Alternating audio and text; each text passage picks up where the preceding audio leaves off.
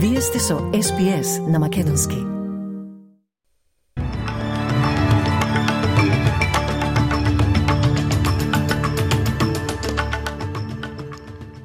Од денешниот билтен вести издвојуваме. Маж и жена загинаа откако биле удрени од товарен воз во северниот дел на Сидни. Австралиците се надеваат на намалување на каматните стапки, бидејќи инфлацијата се намалува. Американската амбасадорка во Македонија, Анджела Агилер, го повика лидерот на опозицијата Мицкоски да го покаже неговиот план за евроинтеграцијата. И од спортот, Луис Хамилтон ќе му се приклучи на Ферари за сезоната во Формула 1 во 2025 година. Слушајте не.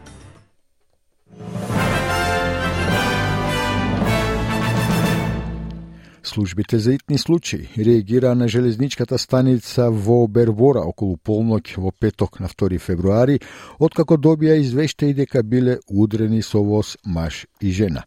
Полицијата во Нов Јуженвил соопшти дека маж на околу 20 години и асистирал на жена во 30-тите години да излезе од шините, кога и двајцата биле удрени од возот. Болничарите и покрај укажаната помош на двајцата констатирале смрт на местото на настанот тие не се официјално официјално идентификувани. Се истражуваат околностите на инцидентот. Министерот за образование вели дека повеќето австралици би сакали да видат пат на каматните стапки кога Централната банка ќе се состане следната недела на својот прв состанок за монетарна политика во годината.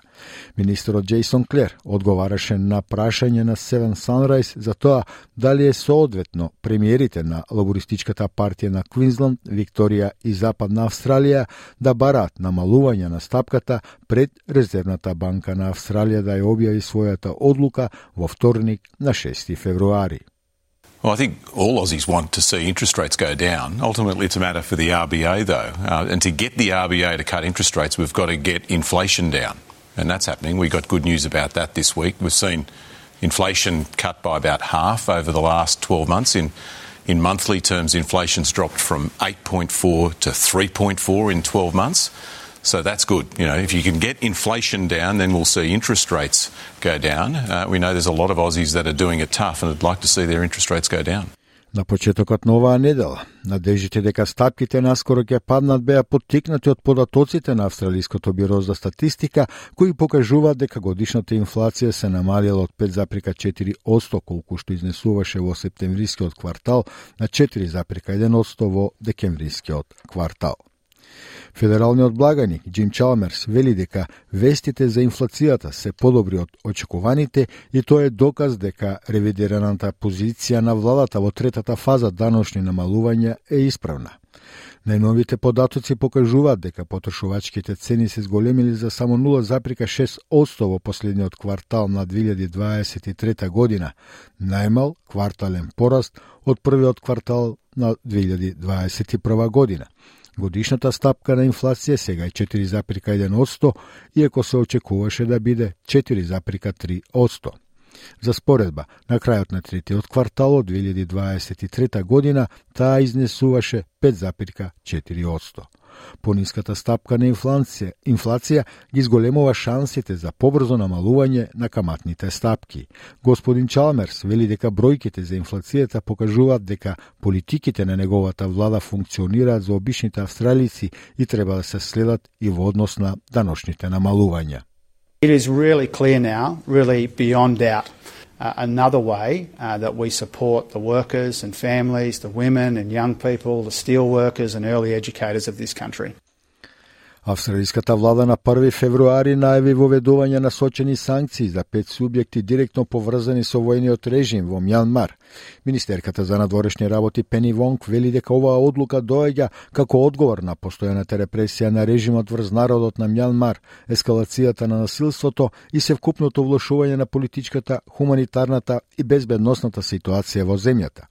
Двете банки кои ги олеснуваат активностите на режимот, Myanmar Foreign Trade Bank и Myanmar Investment and Commercial Bank, ќе се соочат со насочени финансиски санкции.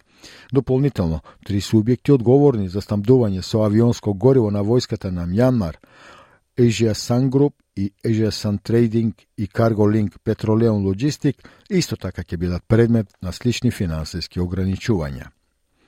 Американската амбасадорка во Македонија, Анджела Агелер во интервју за телевизија 24 ја повика ВМРО ДПМН да објави што нуди за евроинтеграцијата на Македонија. Таа рече дека би била среќна ако лидерот на ВМРО ДПМН Христијан Мицковски го покаже планот, но уште поважно е тоа да го стори пред граѓаните, истакна Агелер. Please make the right decision to move this country forward on its European aspirations. Um, I, President Mitskovsky would tell you that I have had that same conversation with him. And so we will continue to work on that part. Now, what, what effect this has, how long the technical government will last, is something that I won't speculate about. I hope very much for the people of this country and for the good of this country that after May 9th, there is a clear decision so that the governing and governance of this country can move forward. Обединетите нации ги отфрлија повиците на израелскиот премиер Бенџамин Нетањаху да го затвори главниот давател на помош за палестинците во Газа. Господин Нетањаху им рече на група амбасадори во Обединетите нации дека Хамас се, цитирам, инфилтрирал во Агенцијата на Обединетите нации за палестински бегалци или УНРВА по на Израел дека 12 нивни вработени учествувале во нападите на Хамас на 7 октомври. Тие наводи поттикнаа неколку земји, вклучително и Австралија, да го замрзнат финансирањето на агенцијата која отпушти деветмина од работниците пред истрагата – од УНРВ велат дека агенцијата која вработува 13.000 работници во Газа не треба да биде казната за наводните постапки на десетина вработени.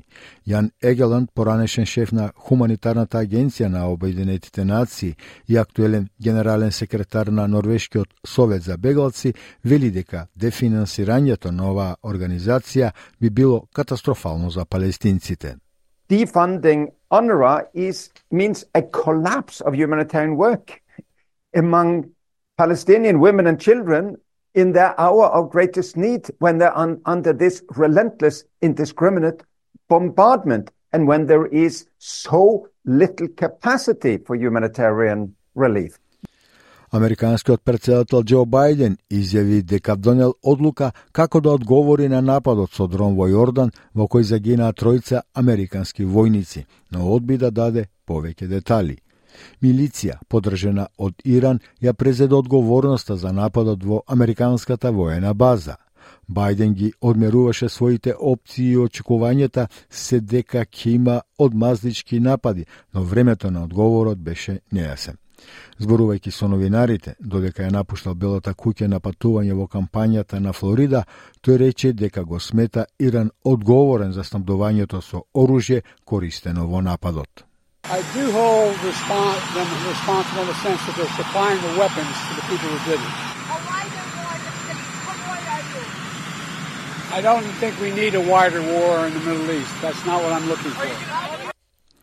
Поранешниот тропски циклон Кирили нема да исчезне наскоро, туку се очекуваат побилни дождови кои ќе го поплават северозападниот дел на Квинсленд.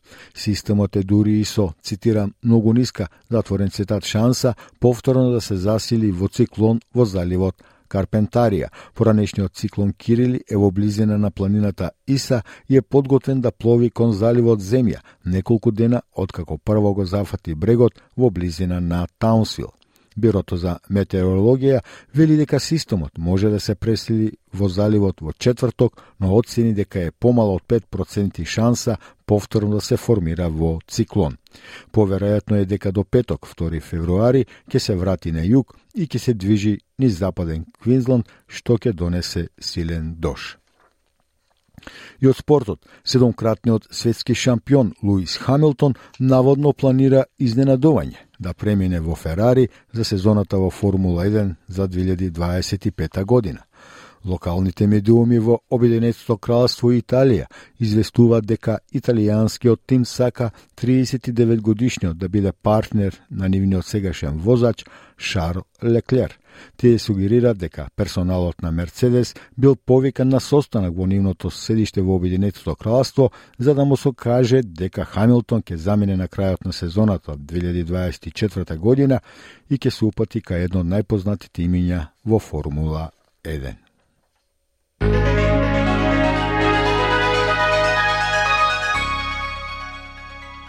Од најновата курсна листа, денеска ден австралиски долар се менува за 0,60 евра, 0,65 американски долари и 37,8 македонски денари, додека 1 американски долар се менува за 56,35 македонски денари, а 1 евро за 61,4 македонски денари и временската прогноза за поголемите градови во Австралија за сабота, 3 февруари. Перт, делумно облачно и ветровито до 31 степен, Аделајд сончево со температура до 33 степени, Мелбурн сончево до 31, Хобарт исто така сончево, но до 27 степени. Во Камбера ќе следи разведрување до 31 степен, Сиднеј облачно до 27, а во Бризбен делумно облачно, но со температура до 32 степени. Дарвин можни врнежи и бура до 33 и во Алис Спрингс делумно облачно, но топло со температура до 39 степени.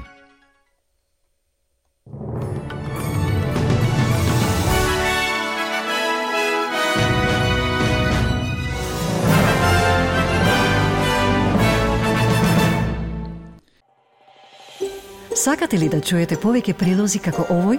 Слушате подкаст преку Apple Podcasts, Google Podcasts, Spotify или од каде и да ги добивате вашите подкасти.